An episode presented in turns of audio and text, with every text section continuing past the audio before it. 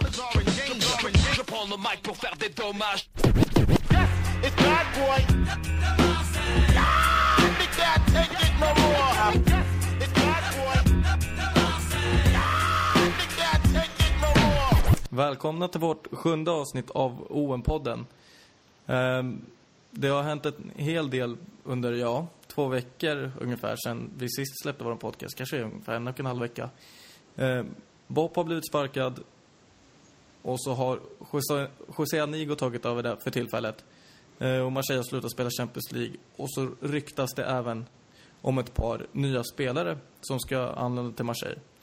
Dessutom får vi besök av en eh, gäst från Lyon-redaktionen som ska ja, diskutera lite och argumentera med oss inför matchen mot Lyon på söndag. Välkomna!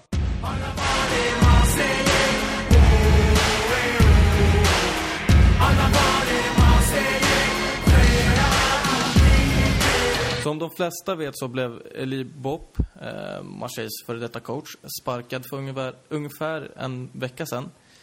Eh, det var dagen efter förlusten mot Nantes.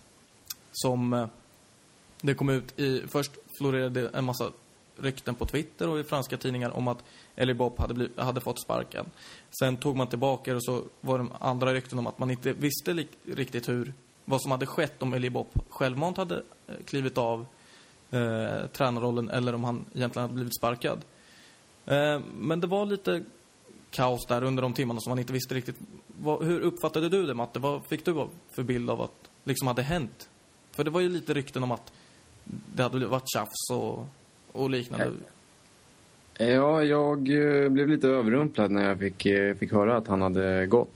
Eh, och eh, som, som du säger, det kändes ganska oklart vad det var som hade hänt. Men samtidigt så var man väl inte jätteöverraskad heller med tanke på de resultaten som man hade i bagaget nu på sistone. Mm. Ehm, Men ehm, ja, att han hade gått stod väl klart ganska, ganska tidigt. De gick ju ut på kvällen, samma kväll där med en kommuniké från klubben och där de sa att eh, Bob kommer inte komma tillbaka. Och eh, ja, så var det väl eh, jag minns inte om det var redan på kvällen eller morgonen därefter som eh, det började klarna lite vad det var som hade, som hade hänt. Ja, vad var det egentligen som hade hänt? Alltså för det, det man kunde läsa lite, det var att han hade ifrågasatt truppen och vissa spelares status i truppen. Det kan ha varit mer av de ton, tongivande spelarna som André Ayew och Mathieu Valbuena, Steve Mondanda.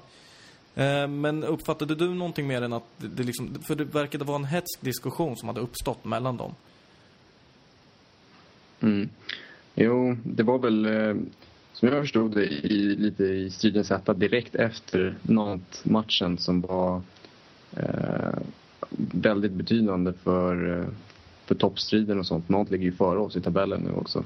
Mm. Och eh, det var väl så att känslorna var på topp och Bob som tidigare har haft lite, vad ska man säga, lite mesig. Eh, man har fått en bild av honom som lite mesig, att han inte riktigt vågar sätta ner foten för spelarna och att de har lite stort utrymme. Men nu gjorde han skillnad där och skulle istället försöka spela aggressiv och lägga skulden på spelarna och säga att det var deras inställning som var fel. Och det, det sägs ju då att spelarna tog det här eh, helt fel eh, och och eh, de blev förbannade på Bopp istället. Och eh, det sades en del mindre fina ord och sen så...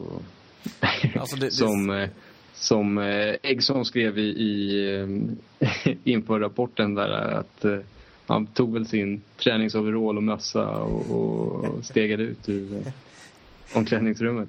Ja, alltså, det sägs ju också att eh, presidenten Labrun fick gå, gå liksom och avbryta det som höll på att ske och Anigo, att de fick gå emellan. Det här, vi ska ju säga att det här om att de fick gå emellan och bryta, det är ju bara rykten hittills. Men eh, det ligger ju alltid någonting i det ryktet i och med att Bob ändå fick, eh, ja, han fick gå helt enkelt. Vi vet inte om vi ska säga att han fick sparken eller inte, men med största sannolikhet fick han kicken.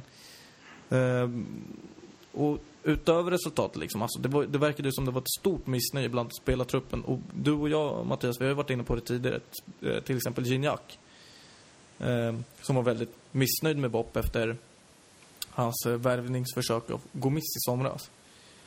Eh, så även det kan ju ha en stor faktor liksom till, till, och sen som du säger att han verkade vara en ganska mesig tränare och sen om han har varit mesig i ungefär ett och ett halvt år och sen plötsligt ska börja stå och skrika på spelarna, han har ju inte den legitimiteten bland truppen. Exakt, den pondusen liksom. Mm. Eh, nej, som du säger, det... Det går inte riktigt att ändra sig så snabbt och sen få spelarna med sig. Jag menar, det är inte konstigt att det blir en reaktion. Och sen att den blev så pass ja, våldsam, om man säger så. Inte att den blev våldsam i, i den meningen, men att det, det blev så hetskt. Det, det eh, har väl att göra med att resultaten inte gått deras väg och det var redan en del friktioner i gruppen sen innan. Mm. Eh, i, och med att Nantes vann över Marseille med 1-0 så gick de även förbi Marseille i tabellen som låg fyra vid den tidpunkten. Eh, Marseille ligger femma just nu med 27 poäng. Vi tippades komma trea efter Paris och Monaco inför säsongen. Just nu ligger Lille på tredje platsen med 36 poäng. Så vi ligger alltså 9 poäng bakom Lille. Och däremellan ligger Nantes på 29. Eh, samtidigt, så fort det ryktades om att Bopp blev, eh, alltså Bopp hade gått, eller hade fått kicken. Eh, så fort det ryktades om det, då började som vanligt liksom, tränarkarusellen sättas igång. Ja, Och vi har, ju, vi har ju ett par namn, vi har ganska många namn faktiskt som är in, intressanta att ta över Marseille. Men som vi tidigare nämnde, just nu är José Anigo, alltså sportchefen, tränare. Men fram till nyår har det sagts att han ska vara som en tillfällig tränare. Men sen har vi ett par andra namn också. Det, vi har Antonetti bland dem och så hade vi också... ehm, det var ett par stycken där. Ja, vi kan väl säga att vi har det inhemska spåret och sen så har vi det lite mer eh, ovissa om man skulle gå för en utländsk tränare. Så om vi börjar med att kolla på de namnen som har nämnts eh, som eh, ja, inhemska alternativ, då är det ju främst Antonetti som har eh, varit uppe på tapeten. Eh, Korsikanen som lämnade Rennes i slutet på förra säsongen och fortfarande är utan jobb. Han, det sägs att han tackade nej till Montpellier också. Men han är ju känd för att vara en ganska skrikig karaktär. Eh, mycket pondus, eh, aggressivitet. Sen så har han ju inga större tränarmeriter i sig. Jag menar, han har ju tränat flera Ligue 1-lag och eh, har gjort det bra också. Men han har ju inga titlar eller liknande att, att komma med. Och sen så de andra namnen, kan ju dra dem lite snabbt här som har varit uppe i, i debatten i varje fall. Det är ju Galtier, eh, Marseille-sonen som tränar Saint-Étienne. Eh, Fernandes som precis fått sparken ifrån eh, Montpellier. Eh, Bog, äh, hjälp mig med uttalet här Christian. Bog, Boghos, Bog- Bogosian. Bogosian. Ja. Eh, den före detta assisterande tränaren till eh, Domenech i franska landslaget. Eh, sen så Christian Gourcuff, Lorients tränare, Mm. som är känd för att spela väldigt passningsorienterad, snabb fotboll. Eh, och eh, ja, det är väl de som har nämnts, de inhemska alternativen som nämnts mest i, i pressen och så, och som varit eh, ganska ja, omdiskuterade alternativ. Mm. Eh, är det någon utav dem som du känner eh, spontant, eh, ja, det där vore en perfect match? Ja. egentligen Galtier. Efter Mm. det han har gjort i sånt igen. Alltså det, han verkar ju kunna sätta ihop ett lag med... Men, men sen tänk, ja, han sätter ihop ett lag med liksom äldre spelare och yngre spelare och får dem att spela ihop på ett väldigt bra sätt. Ehm, men å andra sidan så Marseille just nu ju, verkar ju liksom värva ganska relativt talangfullt och ändå har ett par tongivande spelare som inte är så gamla. Som vissa spelare sånt ett igen. Så jag vet inte riktigt men... Ja, Antonetti, det, alltså det, det är ju mycket också snack om vilken tränare som skulle kunna passa med José Anigo, vem som eh, skulle kunna Faller in i hierarkin där. Ja. Exakt. Ehm, Så jag vet inte, men alltså jag... Christophe Galtier är en personlig favorit efter eh, hans Mm. år i Asse. Vad säger du om Fernandes Lichin då? Nej. Han har ju tränat Marseille tidigare. Ja, men nej. Eh, nej. Det känns, nej, det känns jätteosäkert att ta in en tränare som har kört ner alltså Montpellier i botten. De ska, vi har varit inne på det tidigare, de ska inte ligga där de ligger med den spelartruppen de har. Ehm, sen vet jag inte liksom hur, du, hur det har varit mellan eh, Fernandes och eh, Lolo Nicolin. kan ju ha varit väldigt Mm. katastrof där. Och, men nej, eh, vi behöver en stabil Jag menar, han har ju tränat stora klubbar tidigare, Nej. men det känns som... Jag vet inte, någonstans så är ändå eh, den här... Eh, det är ju någon...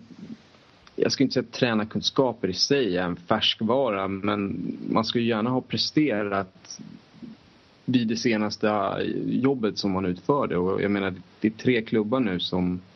Ja, Nancy åkte ju ur strax efter eh, Fernandes var där. Mm. Eh, han hamnade i bråk med Johan Mollo som var lagets eh, stora stjärna. Och även om Mollo är väl ett beryktat problembarn. Men eh, i varje fall, han, han tyckte det var svårt att hantera gruppen och när det blev motgångar. Mm. Sen så... Eh, ja, alltså det senaste bra han gjorde det var ju Auxerre när han lyckades ta dem till Champions League-plats. Så jag menar, det ska jag ha all cred för. Men Mm, mm. det var ett tag sedan och det är mycket som har gått fel sedan dess. Så, Precis, alltså som du säger, det, alltså att kunna liksom träna ett lag, det, det är ju ändå någon form av färskvara som man ska ha. Man kan ju inte leva på gamla meriter hela tiden. Sen dessutom, det, alltså det är ju Marseille han ska ta över. Eh, Det är en stor klubb. Det kommer vara väldigt mycket press. Även om han hade press i Montpellier också, när han tränade, så är det här det är dubbelt så mycket press.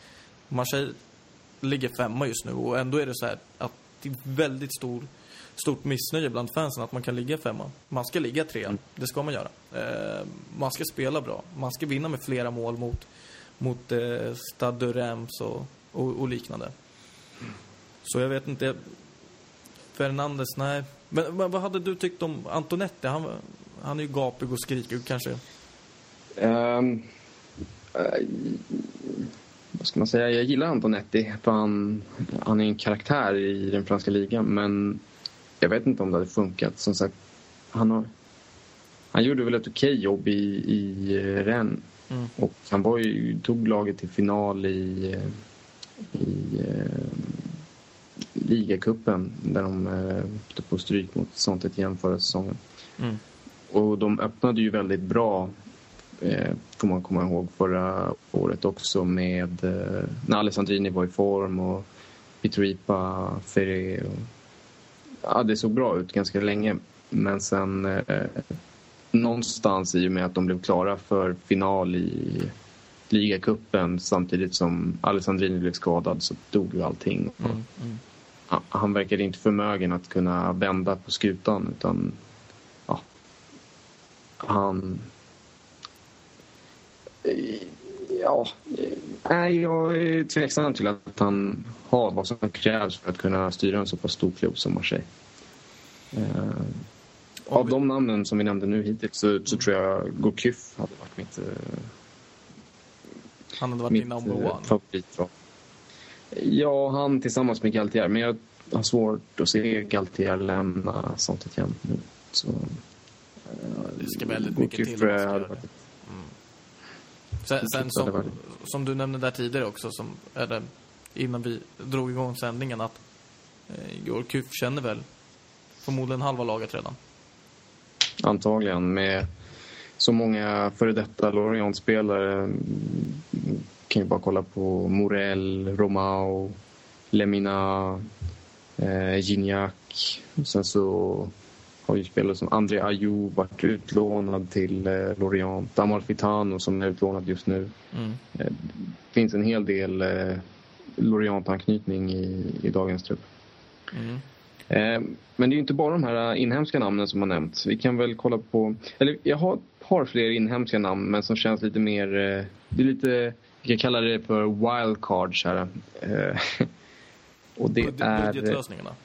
Ja, inte nödvändigtvis, men eh, de känns väl lite mer otroliga. Mm. Och då är det eh, JPP, den eh, gamla Marseille-ikonen, som har eh, nämnts. Eh, och eh, Jean-Pierre eh, Papin. Mm.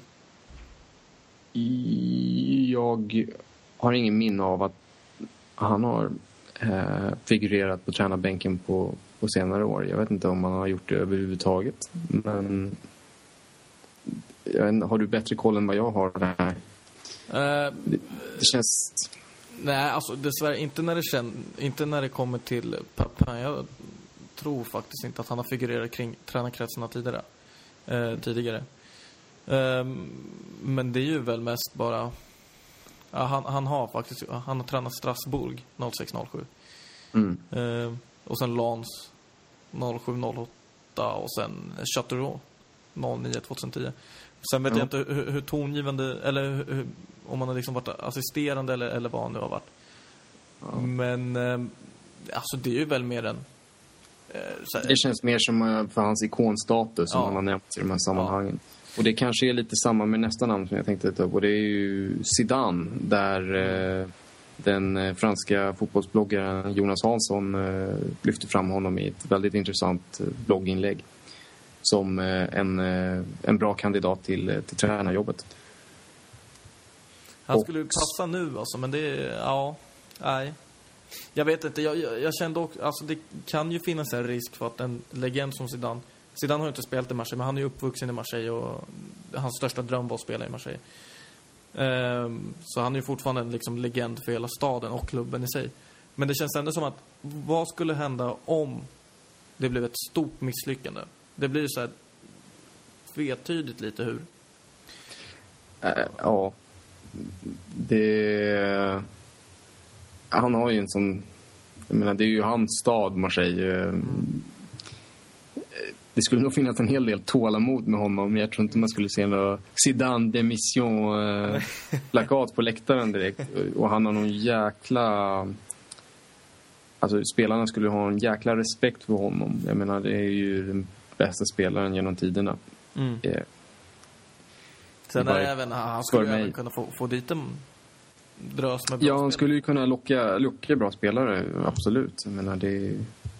Och ju att han har haft en bra impact på Real Madrid också, och deras spelare. Och fungerar som en, stöttespelare, en stöttespelare för eh, bland annat Varan och, och Benzema. Eh, och sen så eh, undrar jag lite Perrin om han skulle vara möjlig att lösa som vann dubben med eh, Lyon senast de vann titeln. Han hade väl en lite misslyckad sejour i saint Etienne efter det. Nu huserar han i eh, Qatar, eller jag tror att det är Qatar. I Qatar. Han har dragit exil. Mm, tjänar stor koba. Mm. Sen så har vi ju det utländska spåret i varje fall om man skulle plocka en, en tränare utifrån. Eh, och eh, jag kan ju nämna alla först här så kan vi ju gå igenom och se vad som vore mest intressant. Då är det Lucien Favre i eh, eh, Borussia Mönchengladbach. Eh, schweizaren. Sen har vi eh, Bielsa som tränade i eh, Bilbao som just nu är utan jobb. Eh, Sen har vi Lukescu som har nämnts i eh, eh, vissa Marseille-forum också som ett möjligt alternativ. Som just nu tränar eh, Shakhtar Donetsk. Eh, Sen har vi eh, Eric Jerez som eh, tränade Marseille tidigare innan Deschamps tog över. Och slutligen kan vi bara nämna Fabrizio Ravanelli. Även om vi förhoppningsvis blir förskonade där. Ja, vi, vi kan ju börja med Favre. Ja. Han sades ju vara lite utav en favorit i Marseilles ledning då man kollade på alternativ och slutligen anlitade Eli Bopp. Antagligen så var det väl för att eh, Favre inte hade tillräckligt med intresse för att, att ta jobbet just då. Det gick ganska bra med, med eh, Mönchengladbach. Eh, och det är ju lite otur för förra säsongen när det gick bra för Marseille, då har jag för mig att Mönchengladbach gick ganska dåligt. Och eh, nu så står vi här och har gått ytterligare en säsong och eh, Marseille är lite skakiga medan Mönchengladbach eh, går riktigt bra igen. Så jag har svårt att se, se det hända. Men nej, han, han känns som en, en bra tränare. Jag menar, det han gjort med klubben i, i Tyskland, det, det är imponerande och känns som han är redo för att och ta ett steg uppåt i, i karriären. Absolut. Sen, Inget illa mot Mönchengladbach. Jag menar, det är en stor klubb, eh, absolut, historiskt sett, eh, verkligen. Men eh, jag tror eh, det är svårare för Mönchengladbach att hävda sig i konkurrensen med, med Dortmund, Bayern München och, och liknande. Hamburg, Schalke och Leverkusen. Än vad det skulle vara för Marseille och, och knipa en tredje plats framför Lille. Sen är det ju också det personliga planet. Alltså han, det känns lite om han inte hade velat komma förut. Eh, vad talar egentligen för Marseille nu?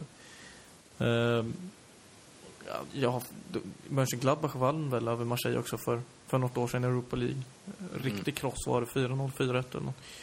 Eh, men sen, ja, Ja, det kanske är projektet om man säger så. Ja. Jag menar, när Bob hyrdes in så såldes ju alla nyckelspelare och det var ju stålbad i ekonomin. Nu så har man ju värvat ungt och det finns potential i truppen och nu vet inte jag hur, hur framtidsutsikterna ser ut och hur man kommer fortsätta att spendera men det finns lite mer framtidstro i dagens trupp än vad det gjorde för ja, ett och ett halvt år sedan. Och Dessutom är ekonomin, mm, alltså den är ju stabil jämfört med vad den var tidigare. Som du sa, när vi- fick sälja iväg en massa spelare. Ehm, så även det kan ju locka flera tränare att komma till oss. Ehm, Det är men, ju bra där med Favre. Han pratar ju flytande franska också så det skulle nog vara en ganska lätt övergång för honom. mm, Ehm, sen hade vi Bielsa som är lite utav ett eh, en dark horse och en favorit bland många fans. Eh, är det frågan är, någon... skulle vår, vår trupp klara av att spela på det sättet Bielsa spelar? Han spelar ju väldigt eh, offensivt. Ja, jag menar... Vi har bra offensiva pjäser. Det kanske skulle gå. Eh, han... Eh, vi skulle nog få, få lite mer underhållning i alla fall. Det kan man ju klart, klart konstatera. Det, det skulle inte bli någon tråkfotboll. Mm, nej, precis. Eh, Men eh, det, borde väl en, det skulle väl bli en språkbarriär där. Jag tr- tror inte Bielsa pratar franska. Eh, Nej. Inte, Inte, inte vad vi vet. har läst i alla fall, nej. Så absolut, det är ju en faktor som vägs in förmodligen. ja, men eh, visst. Med tanke på att han, han saknar jobb just nu. Det är väl ett intressant eh, alternativ. Men det känns som det kan gå hur som helst. Men han hade väl problem i, i Atletico Madrid också med att eh, även där var det väl spelare som satte emot hans hårda... Bilbao. Eh, ja, B- Bilbao, förlåt mig. Satte emot hans hårda liksom, så, träningsstil och hans... Eh, Jo, nu eh, är jag ute på djupt vatten här och, och pratar La Liga men eh, nog har jag för mig att det var eh, en del sprickor eh, som, som florerade då också. mm, Det tror jag. ja, Men eh, hans meriter går ju inte av för hackor där och lyckas ta dem till, eh, till eh, final i Uefa-cupen. Ja, han gjorde ju ett mäktigt jobb där i Bilbao. Det gjorde han. Absolut. Eh, på tal om tränare som inte kan prata franska. Jag tror inte att Lukaku heller talar det Lukas språket. kan faktiskt prata franska. Han kan? Eh, yes, jag kollar upp det. Mm. Han, han pratar franska. Det är väl lite det som kanske får honom att glida in på den här listan också. Men eh, han hade ju nämnts på Le Fosséns eh, forum eh, av supportrarna. Och ja, det känns ju inte särskilt rimligt att han skulle komma. Det var en ganska låg... Eh, ja, låg trovärdighet i att han skulle lämna Shakhtar och, och bege sig söderut. Men eh, ja, vem vet, kanske det hade varit ett, ett lyckat scenario. Ja, precis. I, I Marseille vet man aldrig. Alltså, det är som sagt att imorgon kan likväl Fernandes vara klar som... Ja, kanske inte Mois, även om han och även om han är på styva linan. Men eh, det händer vad som helst. Alltså det, vi nämnde lite också, bara som en input där, att José Anigo, han är ju... Han verkar ju själv vara taggad på att fortsätta. Så att... Eh... Ja, nu är det ju sagt att han ska vara interimstränare fram till eh, nyår. Och sen så ska det till någon mer permanent lösning. Men eh, efter matchen mot Dortmund så sa han att han var inställd på att köra tre matcher till. Och det var ju de matcherna då fram till juluppehållet. Eh, men sen så kom det någon lite helgardering där han säger att om Labrun och ledningen inte hittar någon bra ersättare så är han redo att eh, stå vid sidlinjen ja, säsongen ut. Eh, så får man väl tolka lite hur man vill, men eh, samtidigt, jag vet inte. Eh, hellre att vi har kvar honom säsongen ut och sen så får in en riktigt bra tränare som kan utveckla truppen än att vi skriver upp något tvåårskontrakt med en, jag vet inte, Fernandes eller någon som, ja. som, eh, som man ändå inte känner någon vidare framtidstrog med. Utan, eh, I sådana fall så får man väl göra hans interim. Ja, precis. Nej, men det, på, på det planet håller jag i alla fall med det. Att, um, trots Anigos uh, kontakter utanför fotbollen och hans kanske lite uh, fula tillvägagångssätt när det kommer till övergångar så klarar liksom klubben och ha honom som tränare och, och går det bra för dem så absolut fram till sommaren. Mm. Kunna... Det ska bli... Mm. Jag tänkte att det ska bli intressant att se nu hur det funkar. Nu är det ju bara tre matcher så det är frågan hur mycket prägel han vill sätta. Men ta de här spelarna som Imbola, Tovan, eh, Lemina, Mendy. Mm. Det här är ju spelare som uh, Anigo varit aktiv och få in i laget. Jag tror inte Bopp hade särskilt mycket att säga till om vem som skulle komma in. Han kanske hade önskningar om position kanske. Men det är ju sen Anigo som har ja, varit i spetsen av att välja ut vilka spelare som har kommit. Hur kommer han då lyckas få in dem i laget? Och om någon så borde väl han vara den som ja, har sett storheten i de här spelarna och vet hur de ska användas. Ja, precis. Men, För om inte eh, han kan använda dem på rätt sätt, hur, ska då en uh, ny tränare kunna komma in och... Exakt. Och sen så, alltså, vi såg ju lite mer energi i alla fall i, i spelarna igår, eh, när de spelade mot Dortmund.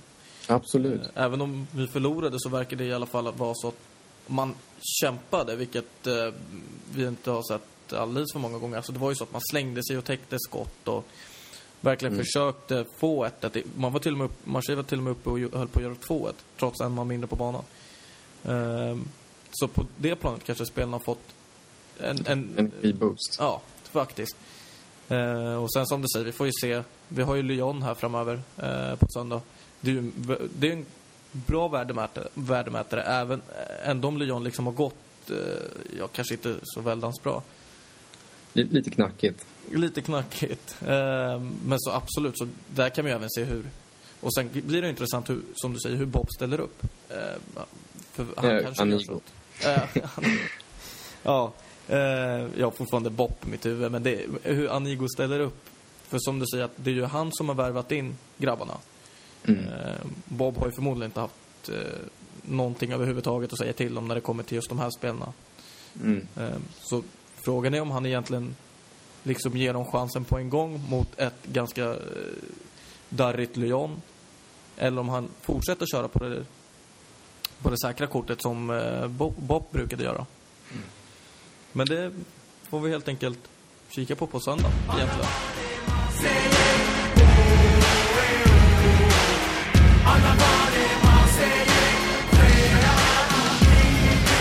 De senaste veckorna har eh, det ryktats ihärdigt också om Marseille och det är inte bara tränarfrågan som har diskuterats i pressen.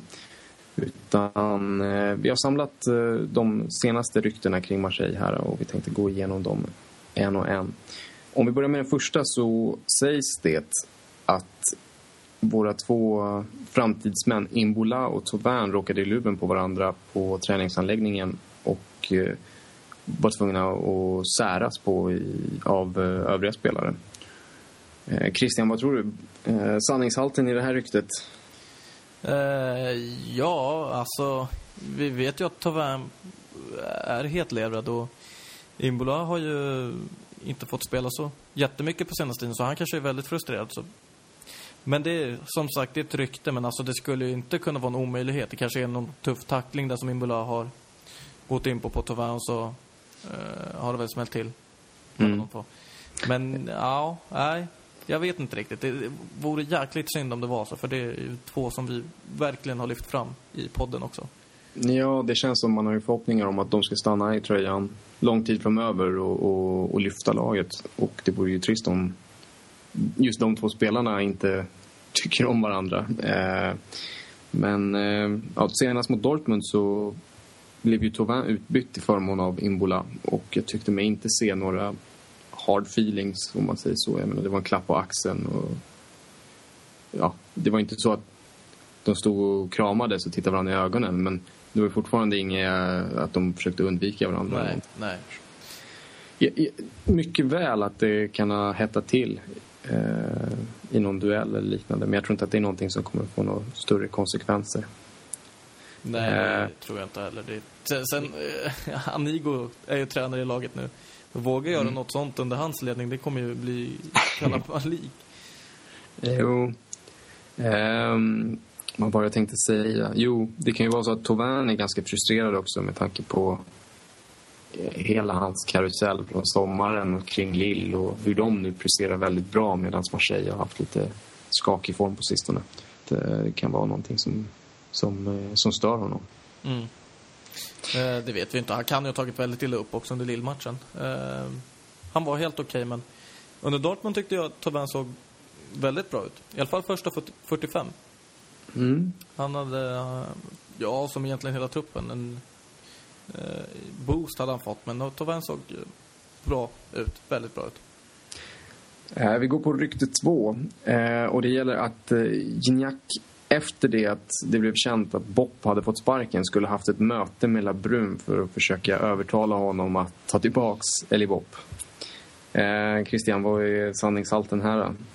Eh, ja, alltså det går ju egentligen bara att skratta åt tycker jag. Det, vi nämnde det i förra podcasten. Eh, Gignac var ju skitsur bokstavligen på Bopp för att eh, Bopp var ute och eh, fiskade efter Gomis under sommaren. Eh, Gignac, det sägs alltså, det ryktas att han tog, han sårades verkligen på det personliga planet och att han skulle gå till Labrun och och tala om för honom och att han gärna vill att Bob stannar kvar, det ser jag som en... eh, Det, det är ett rykte. Alltså det är högst osannolikt. Enligt mig. Jag vet inte vad du tycker, Matte. Du kanske har känt Nej, jag är väl inne på samma, Ja. samma spår. ja. Det, det känns inte särskilt eh, trovärdigt. Eh, snarare att han, eh, han var där inne för att klaga på Bobs ledning eller någonting sånt. Det känns som, ja, högst osannolikt. Högst osannolikt. Absolut. Och, och som du, du nämnde lite där att det, var, det ryktades som att det var de mest tongivande spelarna i laget som... Ja, det var väl det äldre gardet sades det att det var eh, Mandanda, Gignac, Fanny, eh, Abdullah eh, jag vet inte om Ajev och de var med på det också. Det var de, och de som hade spelat längre som, som eh, tröttnat på, på Bob. Och eh, ja, det känns väl mer rimligt. Ja, egentligen. Eh, vi går vidare till nästa. Eh, och Det är ett rykte som rör eh, nyförvärv. Eh, det sägs att Marseille lagt ett bud på Paul George Entep i Auxerre som spelar i franska andra divisionen. Eh, eh, en offensiv spelare, ung, eh, 21, 21 bast. Har den här säsongen mäktat med fem mål och en assist på de inledande kan det vara, 14 omgångarna eller någonting sånt tror jag i andra divisionen. Och förra säsongen spelade han väl ett 30-tal matcher med Auxerre och stod för nio mål. Och sägs då att Marseille har lagt ett bud på 3 miljoner euro för att få honom men att detta bud ska ha förkastats av uh, eh, Auxerres ledning. Och det är ett intressant rykte. Det känns som... Uh, han är ju som sagt en offensiv spelare, tvåfotad, kan spela på alla offensiva positioner. Används mest på kanten i Auxerre men... Uh, men uh, ja, har tidigare spelat central anfallare också. Mm. Och sen, som, som du nämnde där innan också när vi pratade lite om en Tepp. Eh, han, han, verkar i sådana fall vara en eh, ersättare till eh, Ajo, André Ajov. Det känns lite som eh, han vore en, en bra ersättare på sikt. Eh, det kanske vore bra att undvika ett Tauvin-scenario och istället ja, göra som Lill gjorde förra året. Köp honom i januarifönstret och sen så låna ut honom för resten av säsongen till Auxerre. Ehm, så att han får kontinuerlig speltid och fortsätter utvecklas istället för att han kommer till Marseille och sitter på bänken där. Eller att man tar in honom nu bara för att vi har lite skador just nu. Men jag menar, de spelarna kommer komma tillbaka. Ja.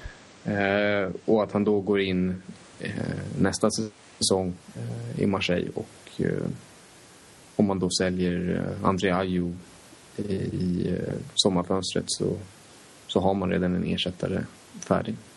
Det kommer göra ont i hjärtat när man säljer Ayo. Alltså det kom, jag kommer må Faktiskt. dåligt. Det, kom, det kom, jag kommer det, inte... Nej, fy fan.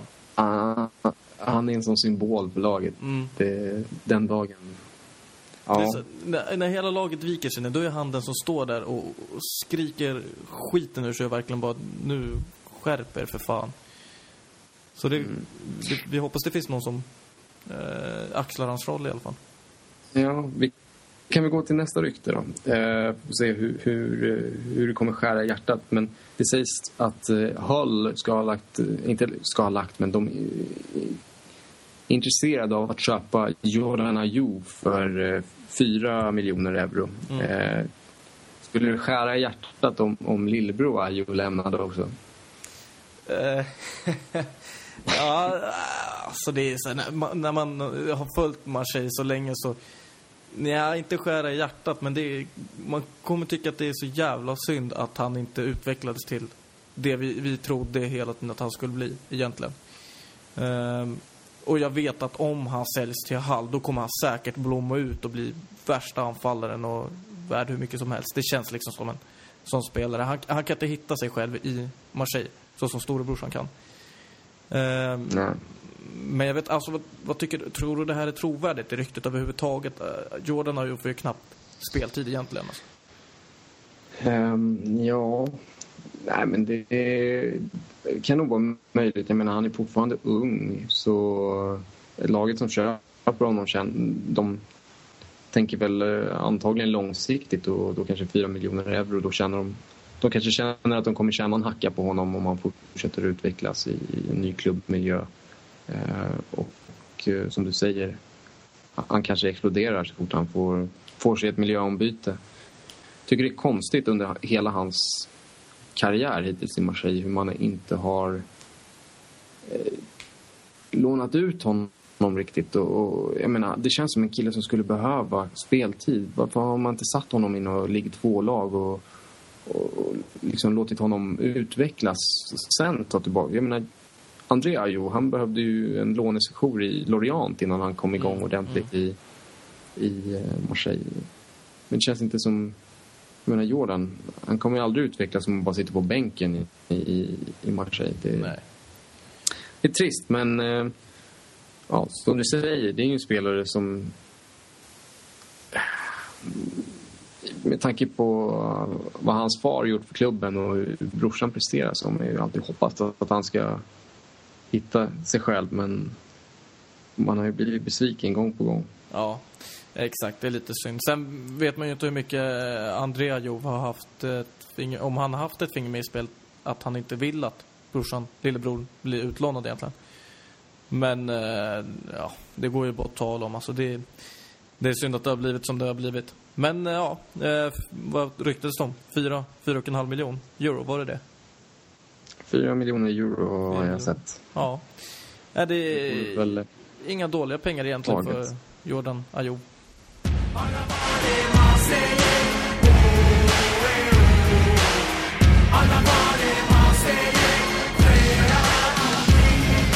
Välkomna tillbaka. Nu har vi fått eh, förstärkning här i podcasten i form av eh, Svenska fansredaktionens Egil Wingbro som eh, skriver på Lyon-sidan. Och vi tänkte diskutera lite Lyon och inför söndagsmatchen se lite hur vi tror att det kommer kunna gå. Så Egil, välkommen! Tack så hemskt mycket. Hur, hur känns det ja, så här långt om man ser till Lyons eh, säsong? Ja, det, alltså det, det har ju gått enligt... Eh, ja, det har inte gått enligt planerna helt och hållet, men alltså det... Alltså för mig så är det rätt väntat över, över hur det har sett ut.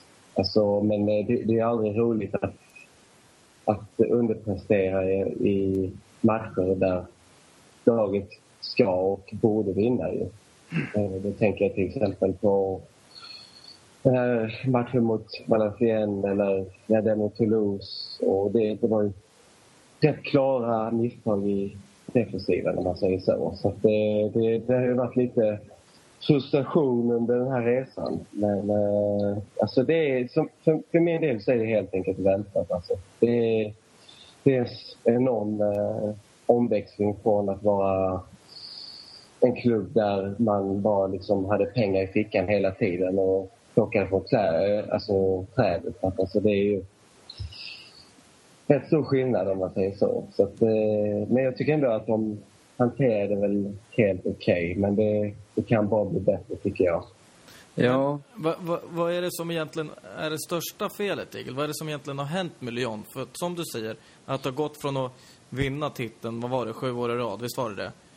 Mm. Eh, till att sen förlora mot Montpellier med 5-1 och, och, spela så knappt som Vad är det som egentligen har gått så fruktansvärt fel, om man tänker efter?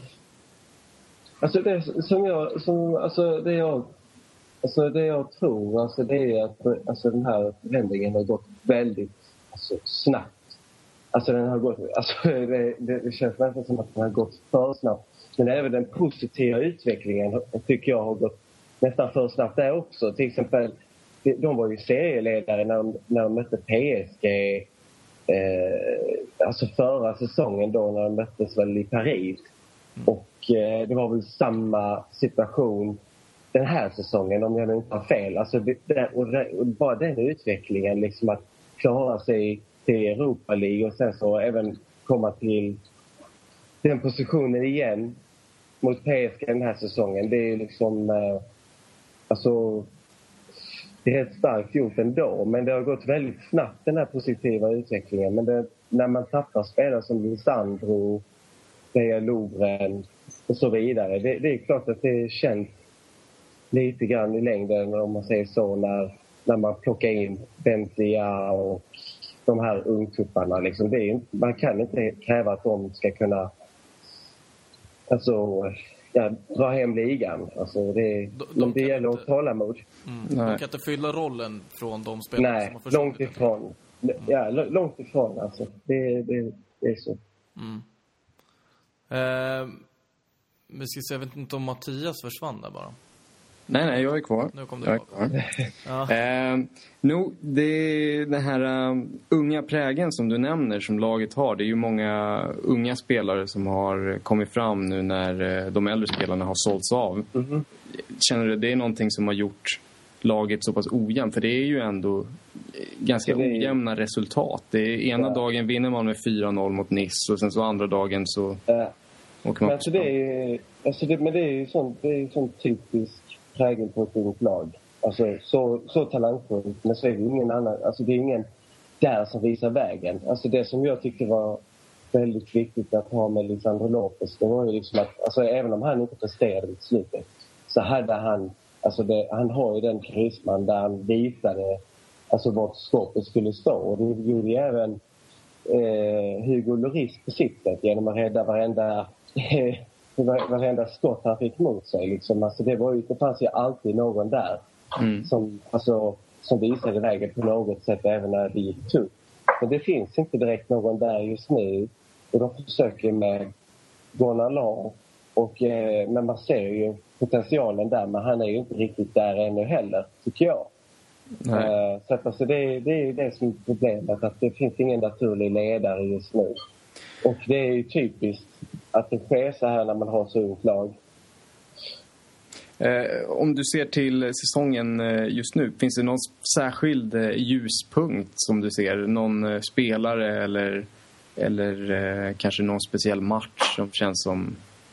Ja, där ni verkligen eh, hittat någonting, på, verkligen kommit till...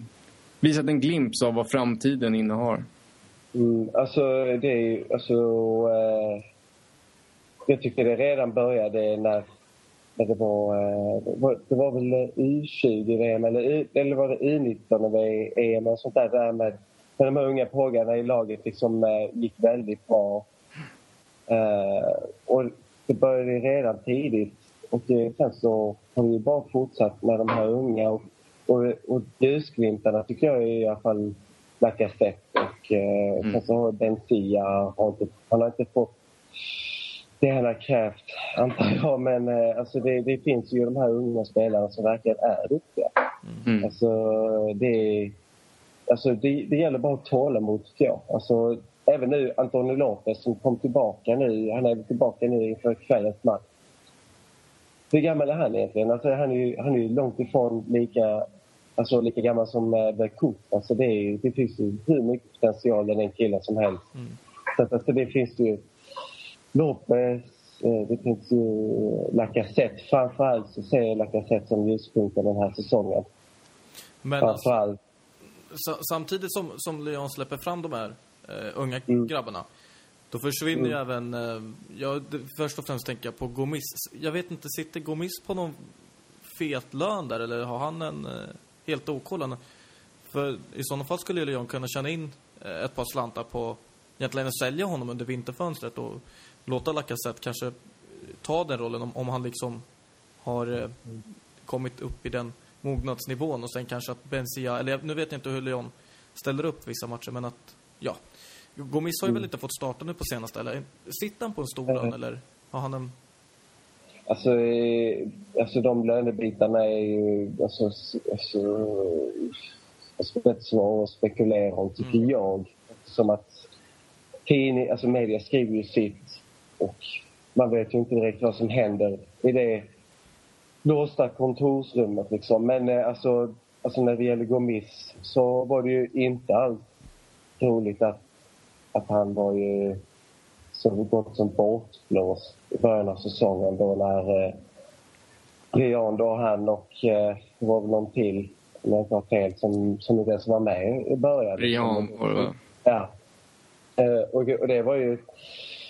Alltså, det, det, det syntes ju även om nu starten var ju helt suverän. Men alltså det, i det långa loppet så, så märktes det av. Och när det gäller Gomis så är han ju en viktig spelare att ha kvar tycker jag. Men när det gäller pengar och sånt där så, så, så, så kommenterar jag inte det så värst långt tycker jag. Så att, eh, ja. Ja, det kommer bli intressant nu på söndag när lagen ställs mot varandra, Lyon och Marseille. För det finns ju en del unga spelare i båda lagen. Eh, skillnaden är ju att Marseille, framförallt den här sommaren, värvade in väldigt många unga spelare medan Lyon å sin sida har varit väldigt skickliga på att ta fram egna spelare. Och då tänker man på den här gyllene generationen. Eh, men eh, det känns som att det börjar tunnas ut lite nu också. Senast jag såg andra halvlek mot eh, Bastia där Lyon spelade jäkligt bra men då kom det in någon eh, Tolisso och det finns någon Fekir. Och jag känner att jag har ganska bra koll på de unga spelarna men nu börjar till och med jag tappa kollen här. Det, Det är hur, rätt många. Ja, det känns... Eh, hur, hur kommer det gå? Är- det bra? Visar det på att det, det finns mycket hjärta i truppen och att eh, det finns någon sorts sammanhållning eller känns det som att det börjar bli lite utvattnat nu och spelare som egentligen inte riktigt håller på den här nivån får chansen? Alltså, eh, alltså när det gäller de unga så är det ju...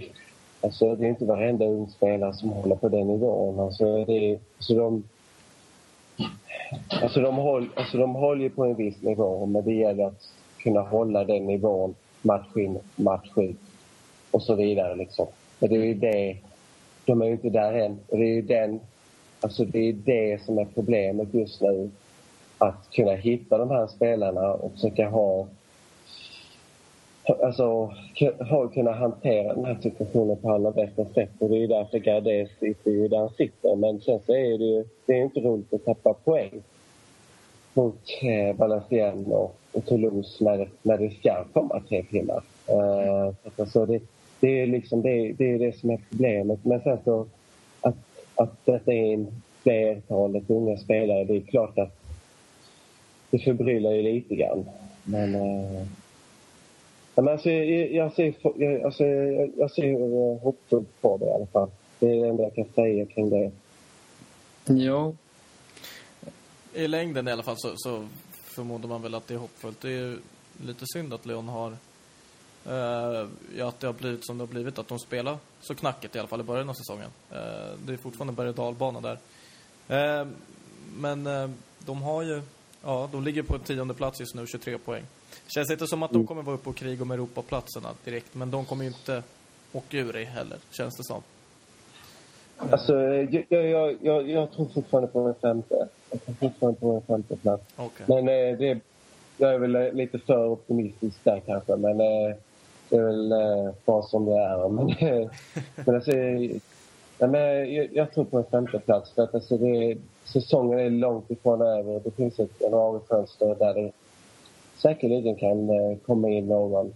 Och eh, Eh, fixa till försvaret lite mer kanske. Men... Eh... Det blir en intressant värdemätare för er del mot Marseille nu i helgen med andra Det kan man lugnt säga. Det kan man lugnt säga. Får se om vi får se någon 5-5 match här nu igen kanske. Ja. Det är mycket på spel. Träffade, ja, träffade André, det var... Om jag inte har fel så såg Andreas Westman som eh, som eh, skribent på Lyonsidan. Han, jag tror han var på den matchen. Det måste varit en eh, magisk upplevelse. Ja. Eh, men han var, han var i alla fall på en Lyon-Marseille-match. Och han sa att det, det var helt magiskt. Så att det, det är väldigt bra matcher. Mm. Alltså man måste pendla egentligen mellan, mellan hjärtattack och, och sitta i lugn och ro på arenan om man sitter på en sån match som slutar 5-5. Alltså det, det ska inte gå egentligen mellan två topplag. Det ska inte. Ja, det är helt otroligt. Alltså det var ju liksom... Eh, jag, min, jag glömmer aldrig när jag såg den matchen. Eh, så var det han Lasse King, han som kommenterade. Och han, han var ju redan yr i, yr i huvudet då. Liksom. Ta inte personligt nu om han hör det här. Men eh, alltså det var ju riktigt... Det var, det var riktigt galet alltså. Ja.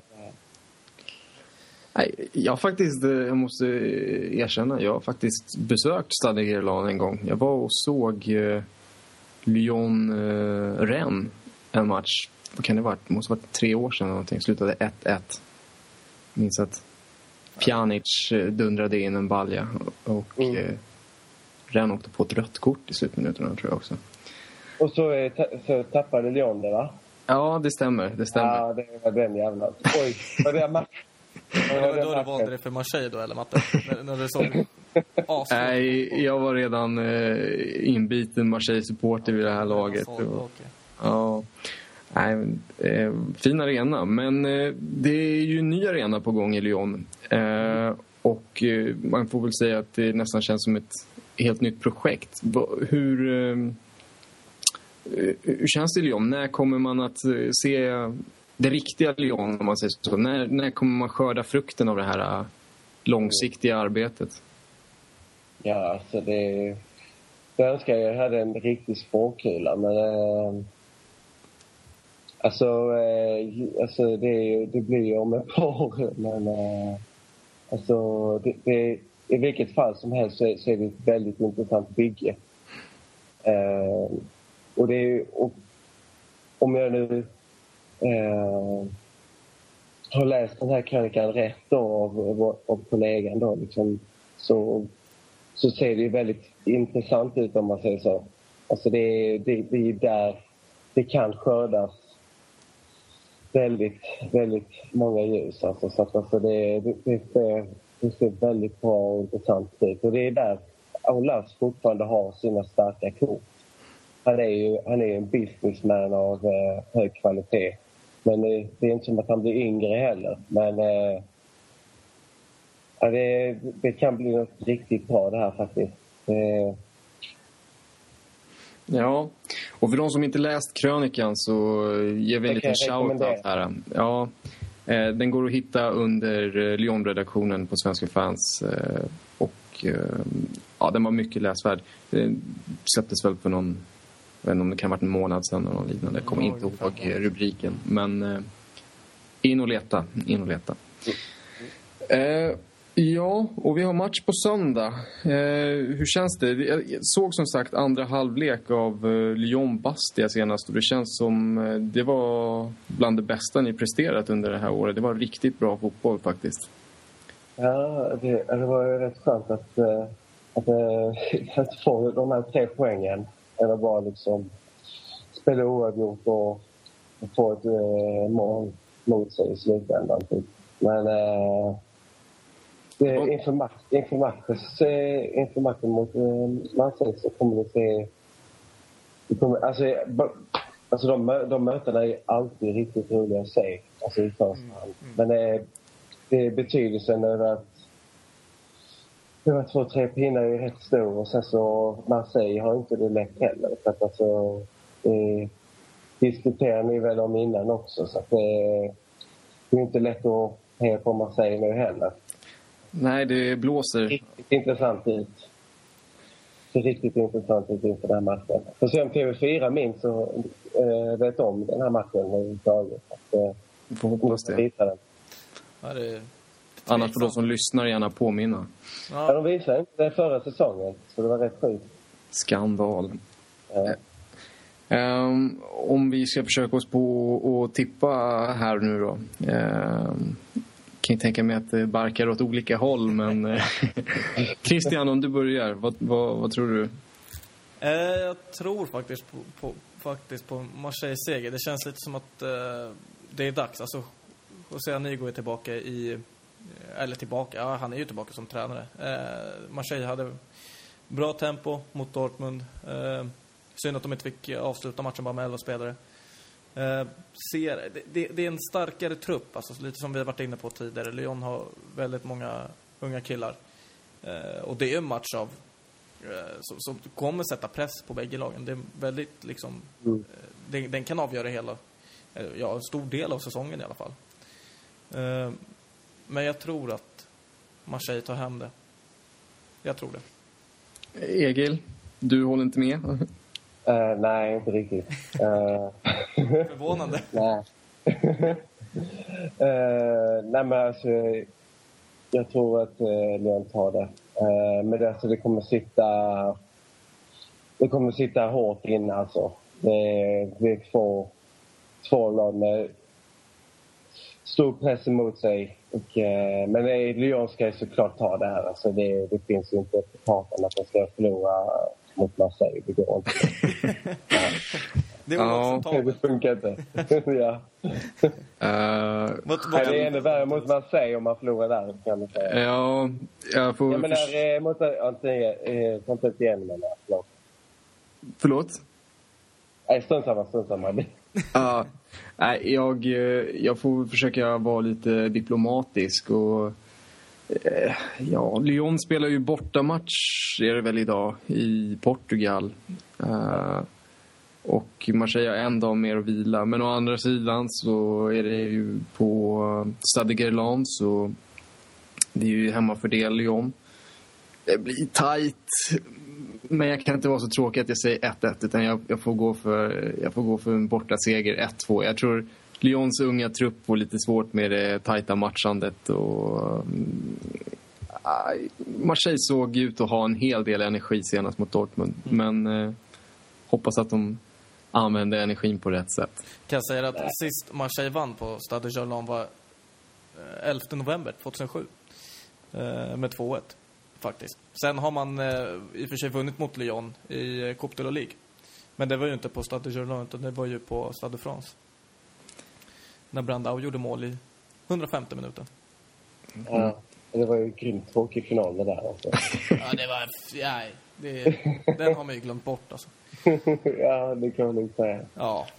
Men, eh, ja. Eh, vi hoppas ju... Eller jag och Mattias hoppas på en Marseille-seger. Egil, eh, du och ert gäng på Lyon-redaktionen hoppas på... Ja, ja. En Lyon-seger. Lyon-seger. Eh, och vi får tacka så jättemycket för att du ställde upp och var med här idag. Jajamensan. Stort tack själva. Ursäkta om jag, var lite, om jag har varit lite extra trött. Men det är jättekul att ställa upp på det här. Det är ingen fara. Det, det är mörkt och tråkigt just nu i Sverige, så det är lugnt. Vi förstår att du är trött, det är vi också. Ja, det blir en ljuspunkt i helgen. Vet du, så Ja, att eller hur? Ja, Eller Får se på vem. Eller, eh, vi får tacka er lyssnare för att ni lyssnar på våran, vårat sjunde avsnitt och eh, hoppas att ni har haft en eh, trevlig, ja, timma blir det ungefär. Vi får Eh, passa på att önska god jul nu också för det blir inga fler Precis. podcastavsnitt innan jul. det ska det nog inte bli, vi hinner inte, så Joyeux Noël och Bonne année.